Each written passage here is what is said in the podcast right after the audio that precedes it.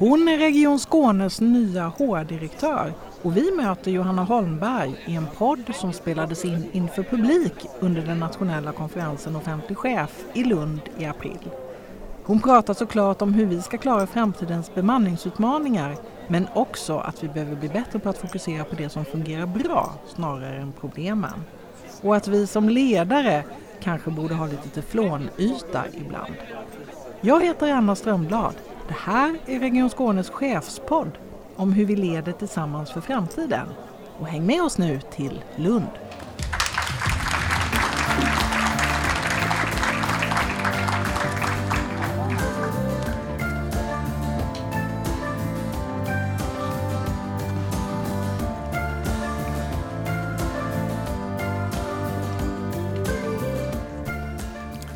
Hej Johanna Holmberg! Hallå där Anna! Vad roligt att ha dig här. Varmt välkommen till Chefspodden. Ja, men tack så mycket, känns jättebra att vara här. Stort gäng som är här också. Som har vaknat tidigt idag förstår jag. Härligt.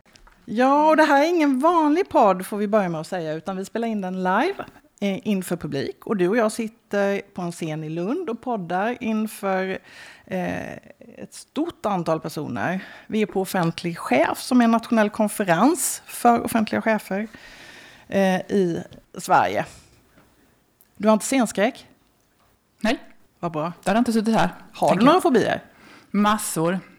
Spindlar, ormar, mm. Vi vildsvin. Mm. Okej, okay. men här är ganska, eh, jag tänker det är fritt från den har, typen av Ja, jag av kände det också. Så det här ska nog gå bra. Du är ju HR-direktör i Region Skåne. Mm. Eh, Region Skåne är Sveriges femte största arbetsgivare med runt 36 000 medarbetare och 1500 chefer.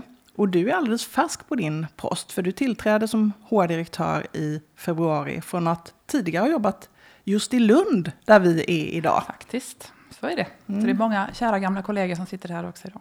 Mm. Hur är det att byta jobb? När jag bytte jobb förra gången så sa jag så här, nu ska jag aldrig mer byta jobb. Därför att jag kom på nu när jag bytte jobb igen att hur jobbigt är det att byta jobb på ett sätt. Roligt, spännande, fantastiskt, men också det kräver ju väldigt mycket. Och det är ju eh, ja, men bara det här att orientera sig, du vet, på en ny arbetsplats, hitta rätt i vem som är vem. Hur, hur funkar, den här, hur, hur funkar den här föreningen? Hur, vad är det? Vem gör vad? Eh, medarbetarskap, ledarskap.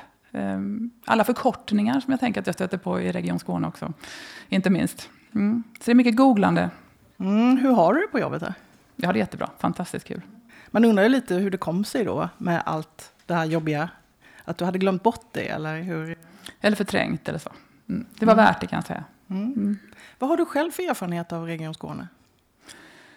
Ja, men tänker jag som alla andra, har väl, alla har väl en relation till Region Skåne. Det är väl därför det är så häftigt att vara här också, tänker jag. Men jag har ju haft, ja men jag både som eh, brukare av tjänster, som patient har jag ju haft mycket kontakt med Region Skåne under, under mitt liv, kan man väl säga.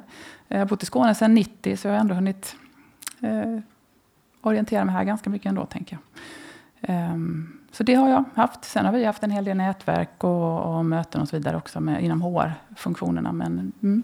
Mm, hur kom det sig att du hamnade i Skåne? Det var faktiskt ett jobb. När jag var 23 år så jobbade jag på ett företag uppe i Göteborg som blev uppköpt av ett företag här i Skåne. Och vi som jobbade på det företaget blev ombedda att antingen får ni flytta med eller så får ni sluta. Och så tänkte jag, ja, men man kan väl Skåne, det är väl trevligt, det kan jag väl åka ett tag. Och så var det. Mm. Och så blev det? Så blev det. Och sen mm. blev det Skåne. Och jag trivs jättebra. Mm. Du, har, du har väldigt lång erfarenhet som chef. När blev du chef första gången? Ja, men lite av en slump. I Trelleborg 2002 fick jag mitt första chefsuppdrag, inom HR faktiskt också. Eh, Trelleborgs kommun offentligt. Jag har jobbat offentligt i alla år också och trivs jättebra med det. Men Trelleborgs kommun var mitt första uppdrag. Mm. Och du, har haft, du har ju haft mm. ett antal ledande chefstjänster i flera mm. skånska kommuner. Vad innebär det för dig att vara ledare i det offentliga eller chef? Ja, men liksom att aldrig stå still, att fortsätta utvecklas, att jobba med förbättring och utveckling för dem vi är här för. Alltså våra invånare. Det är där vi ska ha fokuset, tänker jag. Och att kunna vara med och bidra och jobba med det och utveckla verksamhet. Så att vi får bättre leveranser i vården eller i eh, äldreomsorgen eller var vi är någonstans. Det är det som driver mig. Eh, och att vi hela tiden jobbar med ständiga förbättringar och utvecklar vår verksamhet. Där tänker jag att jag vill vara som ledare, chef. Vilka, vilka utmaningar har du mött i det här? Ja, men det är ju massor, tänker jag. jag, jag, jag det vet, sitter vi nog med alla, och säkert jag också, men jag tänker på det här med förändring. Att vi pratar väldigt mycket om det här med att vi ska förändras, vi måste ha en förändringskraft. Men sen när man kokar ner det där och börjar prata om vad är förändring egentligen, så handlar det mycket om att jag behöver förändra mig själv. Och där har vi ofta ett motstånd, tänker jag. Alltså det här med att jag måste börja göra saker på ett annat sätt, eller jag ska börja agera på ett annat sätt, eller lämna ifrån mig arbetsuppgifter. Det där är svårt, tänker jag. Och det är kulturfrågor väldigt mycket i det här. Tror du att det skiljer det offentliga från Nej, andra tror, verksamheter? Jag tror faktiskt inte det. Vi är människor. Jag tror det. Det är liksom någon form av mänskligt beteende det här att, att vara... Ja, men, vi pratar förändringar och vi pratar om utveckling och sen så är vi ganska så traditionella. Och, och ja, men det är lätt att hålla i sina babies eller sina sätt att vara och agera på. Det tänker jag man kan gå till sig själv bara ibland och fundera på också. Hur, hur förändringsbenägen är jag egentligen? Mm, och du börjar med att prata om att det är mm. förbättringarna som driver Mm. dig att vara offentlig chef. Vilka glädjeämnen ser du i detta? Nej, men tänk att kunna skapa liksom mer utväxling för de, de skatter... Nu pratar jag liksom offentligt ledarskap. Jag tänker vi skattefinansierad verksamhet. Vi, vi, ska, vi ska naturligtvis ge våra invånare så mycket valuta som möjligt för pengarna. Kan vi bli mer effektiva, jobba liksom med bättre kvalitet, eh, bättre bemötande frågor och så vidare, så, så, så är det vinster hela vägen. Det är det häftigaste man kan göra, tänker jag. Mm. Är det något vi pratar för lite om? Ja, men jag tror det. Jag tror att vi tappar bort oss ibland i våra egna små processer och det vi sitter med i dagligt bruk. Jag kan titta inom, inom HR, vad vi jobbar med. Ibland är vi jätteduktiga också på att utveckla processer och rutiner och strategier. Men vi kanske inte riktigt ställer oss frågan, vad får det för nytta för våra brukare, de där ute? Vilket mervärde skapar det vi håller på med? Och där tror jag vi behöver fundera lite grann på det där och skala bort ibland också det vi håller på med. Och prata mer om glädjen att vara chef i det offentliga. Mm. Du kommer ju närmast från Lunds kommun. Skiljer det sig någonting mellan att jobba i en region och jobba i en kommun? Ja, det är klart att det skiljer, alla, alla organisationer skiljer sig åt. Det är svårt att säga nu efter två månader på nya jobbet. Eh, mycket mer sjukvårdsfokus eh, såklart. Därför att sjukvården är det absolut största i Region Skåne. Eh, 85 eller 90 procent nästan är ju sjukvårdsverksamhet. Så att jag tänker där är det ju mer kopplat till sjukvårdsuppdraget som jag ser är, tydligare här än tidigare.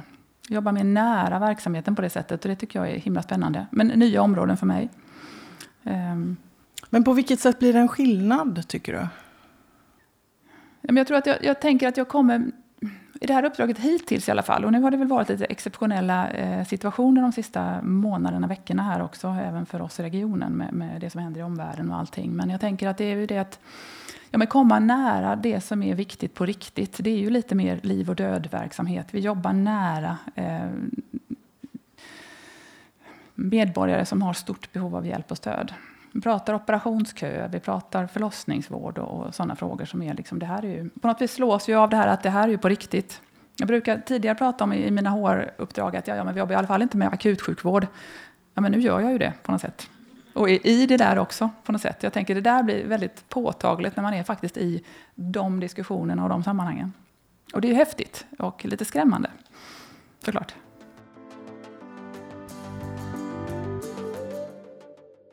Du, du berättade att du blev chef för faktiskt precis 20 år sedan då. I, Mm, stämmer. Mm. Varför blev du chef? Ja, men det var nog mer en nyfikenhet och eh, svårt att eh, inte engagera mig och prata mycket på ledningsgrupper och vara med och liksom försöka driva frågor. Men det var ju sådana saker som egentligen var bakgrunden tror jag. Och sen så fick jag, det, det var en, en möjlighet som dök upp. Jag fick, jag fick ett erbjudande helt enkelt och hade väl inte tänkt mig en chefskarriär så direkt då i alla fall. Jag hade en ettåring hemma och så också. Så det var väl inte riktigt den fasen i livet i att gå in och bli chef. Men så fick jag erbjudandet och kände att det här är ju en jättestor möjlighet att få vara med och påverka. Jobba med det jag tycker är viktigt och, och tro på. Och sen har det rullat på. Ha, hade du tagit några steg innan för att liksom hamna där eller var det bara en slump? Nej, jag kan inte säga att jag hade någon sån här utstakad strategi, du vet att nu har jag den här planen för min karriär, utan jag hade jobbat med, med HR-frågor och den typen av ja, men uppdrag, övergripande, och sen så, så fick jag ett erbjudande som jag kände att, ja, var spännande. Mm, det var, var det någon annan som hade en plan för dig? Nej, men det tror jag inte. Jag bytte organisation. Jag satt i statlig organisation och sen så blev det ett kommunalt chefsuppdrag som, som dök upp där jag fick en, en möjlighet att gå in. Och, helt oprövad mark för mig, men ja, och rätt ung då också förhållandevis. Mm. Mm, vi ska komma tillbaka till, till det här mm. med, med chefsutveckling. Men, men först vill jag höra lite grann vad, vad, vad, du tar med dig från dina tidigare chefsjobb när du nu har klivit in i ett nytt jobb. Vad är det viktigaste som du har med dig? Jag tänker, jag har rört mig en hel del i, i både, jag sitter ju som, som HR så jobbar man ju i en stab vid sidan av. Vi jobbar ju liksom med råd och stöd in till cheferna för att skapa så bra förutsättningar som möjligt för dem. Sen är jag ganska nyfiken och lite otålig av mig också, så jag har ju varit med, jag har ju sökt mig också ut i linjen och jobbat ute i skarp verksamhet just för att få prova på det. Jag tror att den erfarenheten, att ta med sig den in nu, där jag sitter, att kunna liksom växla mellan att ha en förståelse också för vad sitter faktiskt våra chefer med där ute. Underlättar vi för dem eller skapar vi mer administration, mer arbete? Den tror jag att jag har med mig. Jag har ganska mycket fokus på det här också. Ehm, första linjens chefer, vad sitter man med och vad har vi för utmaningar? Och på vilket sätt kan vi stödja i HR? Och där tror jag att jag kanske kan bidra in i, i, i liksom att skapa en tydligare brygga över. Mm. Eh, och du pratar ju om det här med att du brinner för förbättringar. När har du kul på jobbet? jag har kul på jobbet varje dag jag, jag, möter ju hela tiden väldigt engagerade människor, även om det är svåra frågor och även om det är jättemycket utmaningar och, eller roligheter. Detta är en rolig dag till exempel. Men jag tänker det där är jag blir så uppfylld av de människor jag möter och de eh, diskussioner jag sitter i och de samtal jag är i och eh, ja, men allt det där jag möter varje dag på jobbet som är så himla komplext. Alltså, det är, ja, nej, men jag har roligt på jobbet. Alltid. Det är mö mötena som blir kul? Ja, det är mötena. Mm. Du, du pratar om det här, att du tar, vad du tar med dig och dina erfarenheter in i ditt nya jobb som tillgångar. Eh, har du gjort något riktigt misstag någon gång? Ja, massor, tänker jag. Det blir en lång podd det här. Ja, men vi kan börja. Vi kan börja. Ja. Mm. Nej, men jag tänker... Tror all, och det har jag nog inte lärt mig. Jag tänker att man ska lära sig av sina misstag. Frågan är om jag har lärt mig det om jag ska vara lite sanningsenlig. Mm, det kan vi ju komma till sen. Vi kan, kan vi börja med misstagen. Ja, vi kan mm. börja med misstagen. Men det här med att köra lite för fort och tro att jag har med mig alla i förändringsarbete och tänka hur svårt kan det vara? Och så kör jag på liksom och tappar ibland. Eh, ja, men du vet att, att jag får jag fått rekyler av att ja, men man har inte hängt med i förändrings eh, och utvecklingsarbete så som jag tänkte. Jag får inte de effekterna jag väntat mig, till exempel av förändringar inom min egen organisation och så vidare. Um. Vad, var det, vad var det som hände? Nej, men det här med kommunikation, alltså jag, jag behöver träna mig på det mer tror jag. Eller jag behöver liksom fundera, tänka på det här som jag egentligen vet om. Att förändring tar tid och är, betyder olika saker för olika människor. Att, att vi har lite olika förändringskurva och, och liksom inf tar in information på lite olika sätt. Och, och träna mig på det här med att sända budskap och nå fram. Det där är en konst som jag behöver träna på hela tiden. Mm. Har du något exempel på när det gick fel? Ja... Nej, men jag tänker väl jag, i min, en, en, annan arbetsplats som jag inte behöver namnge då, som ligger ganska nära här. Nej, men när jag till exempel eh, införa stora nya system där jag tror att det går mycket enklare och fortare än vad det verkligen gör. Och sen så tänker jag det är väl bara att stoppa i en ny sladd, hur svårt kan det vara? Och så kommunicera på det sättet kanske inte alltid blir så himla bra. Det blir ganska mycket irritation och ilska och frustration och sådär. Ja. Um. Mm. Och det är väl kanske lite grann en, en eh, både styrka och en svaghet, tänker jag, det här med att kunna ibland eh, inte fastna i det här som är så svårt hela tiden, utan kunna ha lite teflon och, och vara lite utanpå och köra lite över. Det kan ibland provocera, men jag tror att det är också en överlevnad i att kunna hålla sig flytande i ganska komplexa miljöer där det finns väldigt mycket utmaningar. Behöver vi fler teflonchefer, tänker du? Alltså det lät ju sådär nu kände jag. Jag vet inte om jag vill... Eh, nej. Nej, inte, nej inte, om det betyder att man är okänslig och eh, liksom inte har någon markkontakt så behöver vi absolut inte det. Eh, men jag tror inte att vi som ledare kan låta oss tryckas ner och dras ner i allt det här som är så himla svårt. För vi har också i våran, och det tror jag kanske är en liten offentlighetssjuka, det här att vi, vi, tar, alltså, vi jobbar väldigt mycket utifrån de problem vi har. Och vi får väldigt mycket, när vi hör att det är någonting som, alltså vi hör oftast när det inte går bra. Det är oftast tyst när det går bra. Och därför blir vi ganska mycket problemorienterade också tror jag i vårt ledarskap. Och vi behöver nog försöka vända på det där också. Eh, så lite teflon ibland mot det här så att vi inte drunknar i det som är problem. För det dränerar en också själv ibland på, på energi. Och vi ska hålla som ledare. Det handlar ju om hållbarhet också i ledarskapet. Att kunna avskärma sig ibland. Mm, det är ju det här med kom komplexa organisationer mm. som, som vi ju har, inte mm. minst i offentliga, mm. offentlig sektor. Hur, eh, att, att hantera det då. Mm. Tänka lite enklare. Det tror jag.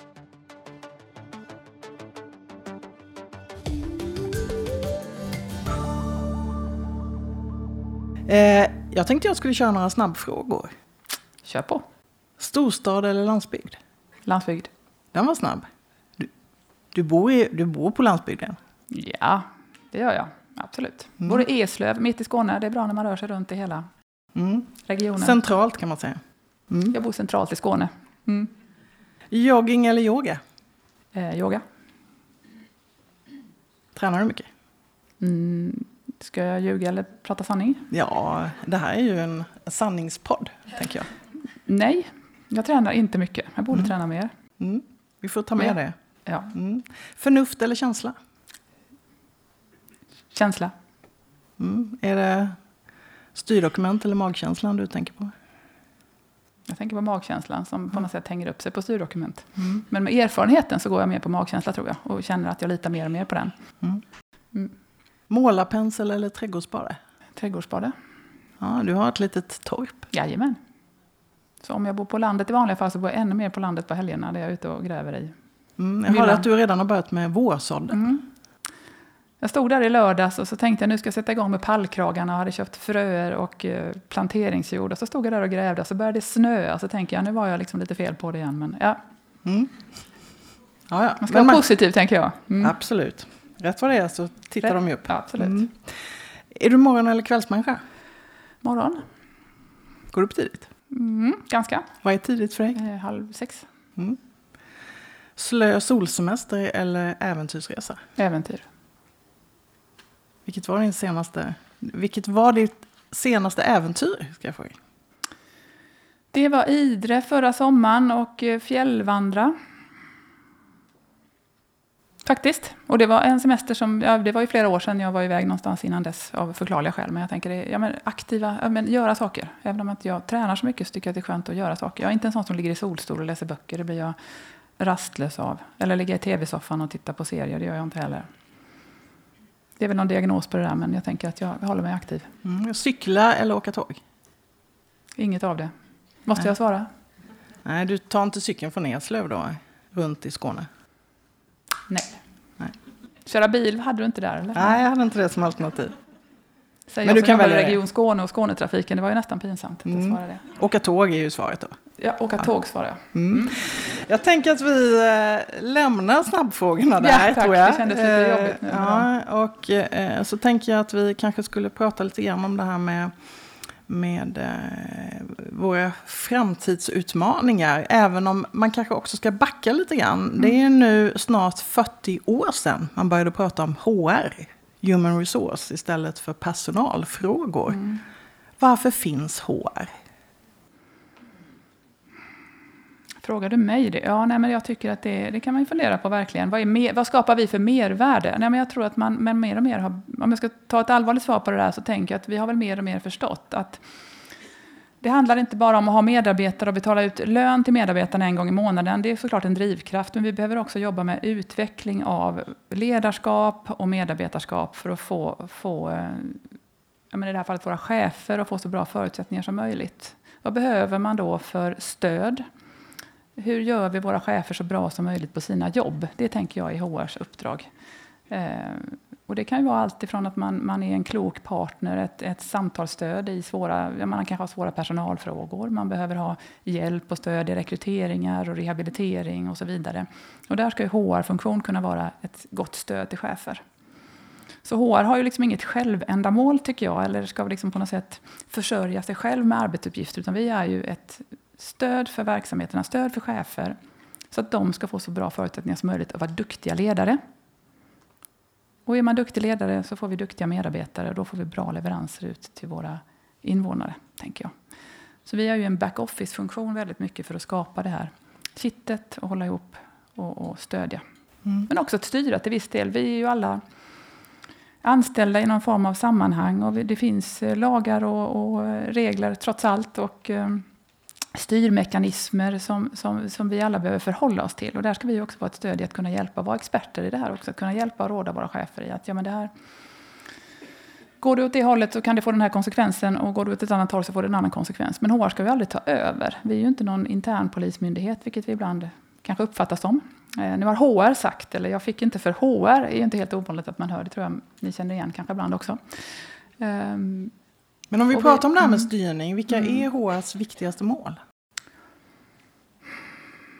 Nej, men det är väl att hålla ihop, jag tänker arbetsgivarpolitik, eh, om man säger så. Då. Vi är arbetsgivare och där har vi ju faktiskt också styrning så tillvida att ja, men, som vi har ett organisationsnummer, vi är en arbetsgivare. Vi har, en lag, vi har lag och regler som styr liksom hur vi ska agera, till exempel när det gäller jämställdhetsfrågor, när det gäller lönebildning och inte minst när det gäller arbetsrättsliga frågor. Vi kan ju inte agera hur som helst och vi kan inte heller ha verksamheter som agerar hur som helst i olika delar, utan vi måste uppfattas som en arbetsgivare. Och där har ju HR-funktionen, tänker jag, en sammanhållande eh, funktion. Eh, och där blir man ju också styrande i att vi behöver kunna säga ibland att nej, du kan inte Eh, agera på det här sättet gentemot en medarbetare eller på det här, alltså så, råd och stöd. Eh, och också styrning. Mm, hur arbetar du då för att eh, ni ska nå de här målen? Men jag tänker, vi jobbar ju jättemycket, nu är, vi en, nu är jag ju en jättestor organisation. Vi är ett par hundra HR-medarbetare och vi sitter ju långt ute i, i verksamheten också. Jag behöver jobba genom HR-cheferna eh, så att vi får ett gemensamt kitt att jobba utifrån. Att vi, har en gemens, att vi har gemensamma mål och riktning för hur ska HR-arbetet utvecklas? Vad är de viktigaste fokusfrågorna? Och hur stödjer vi våra chefer? Och utifrån och in också att vi fångar upp det som faktiskt är på chefens agenda. För det är viktigt också att vi är där. Att vi inte bara hittar på egna HR-processer utan att det är faktiskt vad, vad finns behoven ute? Och vad behöver cheferna stöd och hjälp med? Men jobba genom mina HR-funktioner. Mm, och det är ju 1500 chefer som då ju är mm. arbetsgivarrepresentanter mm. som ni ska vara på agendan hos kan man säga. Mm. mm. Du, du har ju i din karriär varit både förvaltningschef och direkt ansvarig för verksamheter. Men mm. också eh, haft stabsfunktionschefsroll då som HR-chef på olika nivåer. Vilken är skillnaden? Ja, men det är att jobba direkt eller indirekt mot medarbetare, tänker jag också mot våra invånare. Och det är ju liksom helt olika uppdrag, men väldigt ja, men det olika utmaningar och spännande på olika sätt. Jag tyckte att det var himla häftigt när jag har varit ute och jobbat i linjen också, varit väldigt nära våra brukare eller kunder eller vad vi nu kallar det för, invånare. Eh, jag har jobbat inom vården till exempel, varit chef inom äldreomsorg och socialpsykiatri och jobbat väldigt nära eh, de deltagare som finns i de verksamheterna med föräldrar och med brukare och med anhöriga och sitta i de typerna av samtal och faktiskt möta, möta invånarna på riktigt. Det, det, det är ett oerhört ansvar, tänker jag, att bli så himla på riktigt när man sitter så nära. Och en väldigt viktig erfarenhet också som jag har med mig, tänker jag. Eh, att försöka jobba med ledarskapet och, och skapa förutsättningar för medarbetarna att få, få jobba rätt och att, att, fatta kloka beslut. Det blir ju så väldigt viktigt där. Att tänka helhet. Eh, och sen också att jobba med att leda en verksamhet så, liksom i skarpt läge. Eh, med budget och ekonomi och resultatkrav och så vidare. Det är, det är ju lite häftigt på något sätt också. Mm, hur tar du med dig det in i ditt HR-chefs eller HR-direktörsuppdrag? Ja, jag, tänker, jag har suttit på första linjens och andra linjens och förvaltningschefsstol ute och jag tänker liksom, jag vet ju vad man sitter med där i det dagliga när, när verksamheten tuffar och går och man kanske har 70 direktrapporterande medarbetare och man har en budget och verksamhet och anhöriga och, och brukare och planering och folk som är sjuka och det ska rekryteras. Och, alltså då har man inte riktigt tid att ta till sig en, en eh, gapanalysprocess som en HR-organisation skickar ut och säger att man måste lämna in om 14 dagar. Sånt där kan man ju bli lite provocerad av då när man sitter som chef. Och det där tror jag att jag har med mig in till, till mitt HR-arbete också när jag ser liksom att ja, men vi kan sitta ibland och utveckla processer som är jätteviktiga för verksamheten, självklart. Men vi måste också ha, vi kan inte vara tondöva heller mot vad verksamheterna behöver och på vilket sätt vi liksom närmar oss detta. Um, och jag tror att den de två perspektiven tror jag är bra att ha med sig in nu när jag sitter i den här funktionen också. Tror du att vi skulle behöva jobba mer med det? I, mm, jag tror att vi skulle behöva vara ute mer, vi skulle mötas över, vi skulle behöva växla stol ibland nästan. Vi skulle behöva sitta där ute. Vi som jobbar med HR skulle behöva komma ut och sitta mycket närmare linjen och verksamheterna ibland också. Förstå, skapa förståelsen för vad, vad, vad är det som sker där ute.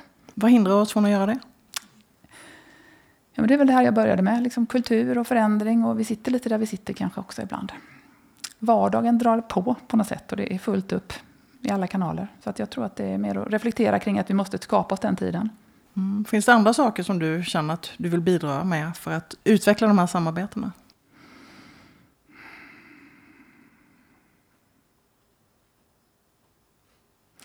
Nej, men det är väl den här förståelsen av att, att vi sitter med lite olika perspektiv i olika mm. delar och att vi måste försöka få det här att, att mötas och skapa förståelse för eh, hur skapar vi mervärde. Det är väl där jag tänker att det är jätteviktigt att vi, vi finns med, att vi inte tappar fokus på det här. Vad är, vad är det som, som är viktigt i det här på riktigt? Mm.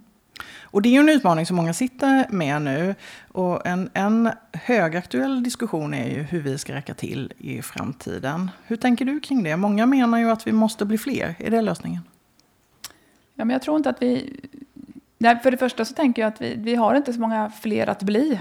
Därför att det finns inte så mycket kompetens att tillgå. Vi ser ju det i alla. Det, det behöver vi inte. Det är ju allmänt känt, tänker jag, att, att vi, vi fler ska försörja ännu fler och vi kommer inte att räcka till om vi fortsätter att jobba på samma sätt som vi gör idag. Utan vi behöver hitta nya former och nya sätt att, få, att tänka smart tillsammans. Mm. Hur ska vi få människor att vilja jobba i offentlig sektor?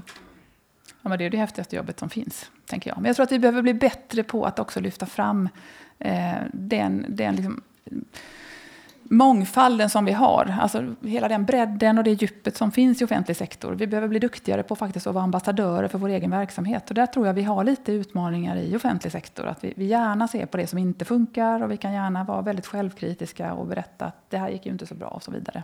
Då har vi på något sätt tagit ansvar tycker vi.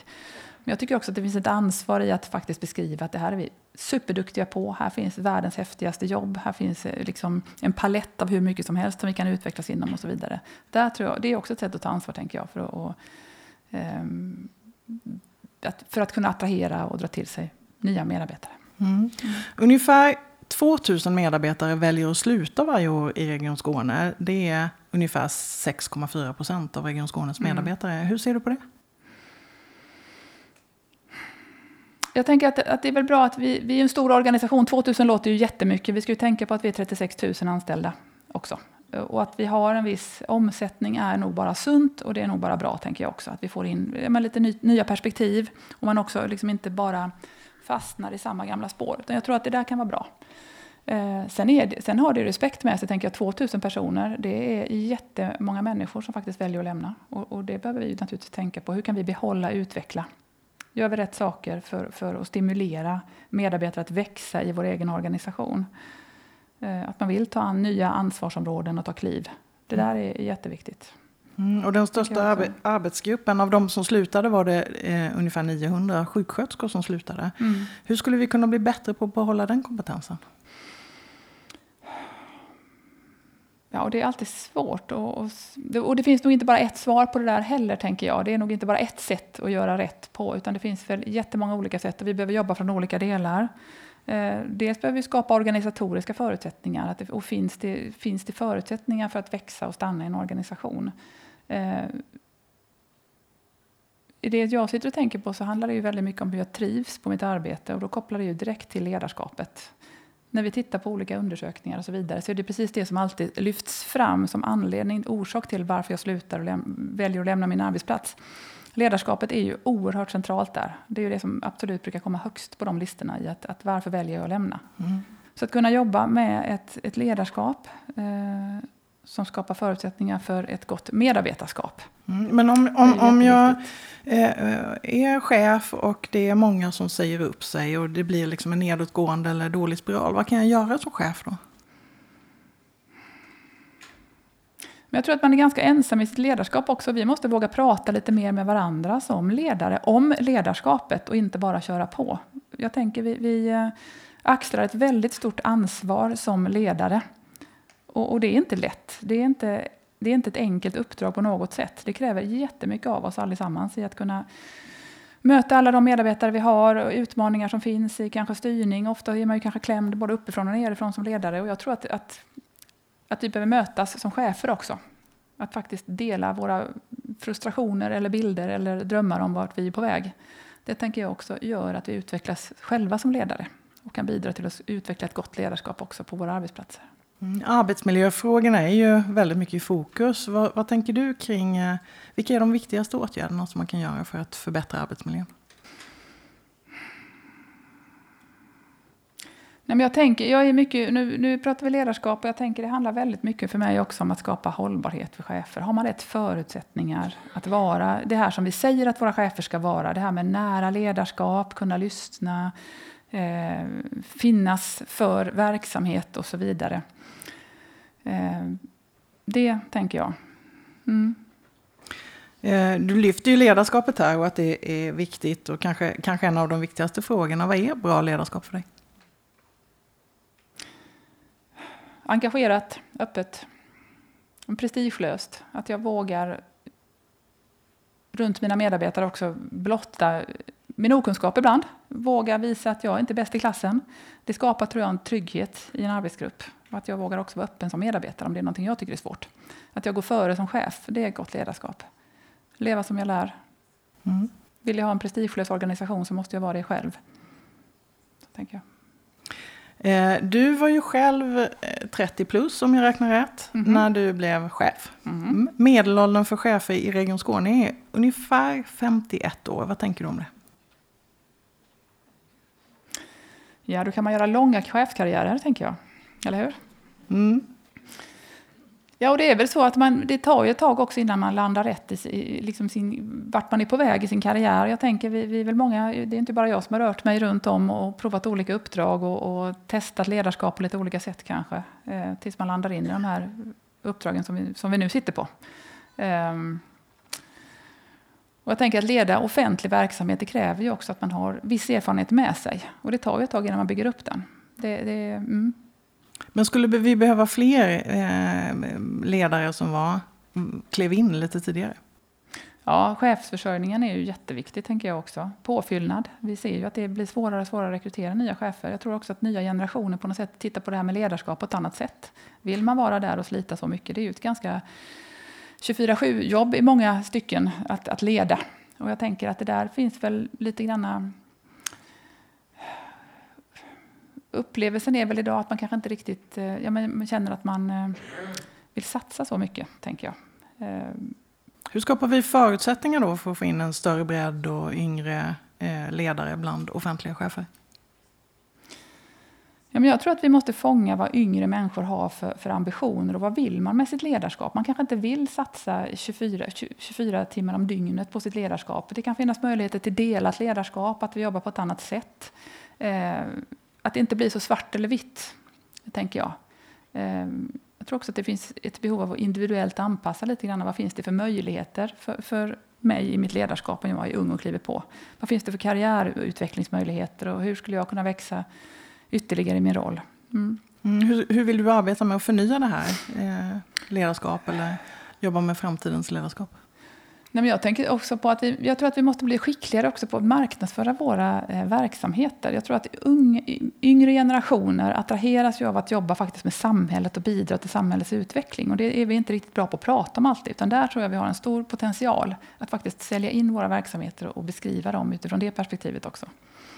Mm. Så det här med försäljning. Försäljning, ja. Mm. Du lyfter. Försäljning mm. av offentliga Nej, men att vara stolthet ska jag väl säga då. då. Sen kan man sätta etiketten försäljning, men jag tänker det handlar om stolthet. Det handlar om att vara engagerad och, och faktiskt eh, våga visa upp det vi gör. För vi gör så fantastiskt mycket bra saker eh, varje dag eh, i vårt offentliga ledarskap. Och det tänker jag vi ska vara stolta över. Och inte mm. gömma undan. Som HR-direktör så landar ju väldigt många frågor på ditt bord. Vad gör du för att koppla bort jobbet? Ja, men då tar jag hunden och eh, gubben och bilen och kör upp till stugan. Och sen så kliver jag ut där i fågelsången och så är det knäpptyst och då sjunker axlarna en eh, halv meter på mig. Så kan jag vara där ute och njuta av eh, friden och eh, tyst, tystnaden. Är det viktigt med återhämtning? Ja, och det är viktigt med kontraster tror jag. Det är väl så jag återhämtar mig också. Men jag tänker det här att kunna vila i något annat blir viktigt. Och har blivit viktigare och viktigare för mig i alla fall under åren. Att, att få det här liksom, kontrasterna till en ganska hektisk vardag. eh, med mycket jobb och mycket möten och mycket människor och, och mycket intryck. Så behövs de här kontrasterna ibland, tänker jag. Något helt annat. Mm. Det, är det ditt tips till dem som, som känner att det är lite mm. hektiskt? Mm. För det är många chefer som upplever det såklart. Skaffa en pallkrage. Lär er mura. Så tidigt? ja. Mm. Nu har jag ställt en massa frågor till dig. Ja. Är det någon fråga som jag missat att ställa? Jag tycker vi har pratat runt och upp och ner och fram och tillbaka om det mesta runt liksom, utmaningar. Och, nej, nej. Eh, det var väldigt roligt att du ville vara med Johanna i Chefspodden. Hur, eh, vad ska du göra resten av dagen? Nu ska jag snart kasta mig på ett tåg och åka till Stockholm. Det blir tåg i alla fall. Det blir tåg, ja. Mm. Eh, på ett nätverk. Mm. Eh, torsdag, fredag. Så, så ska jag, det ska jag göra nu. Mm. Fler jobbmöten helt enkelt. Fler jobbmöten, mm. ja. Tusen tack för att du ville vara med. Tack och tack för att ni ville vara med och lyssna.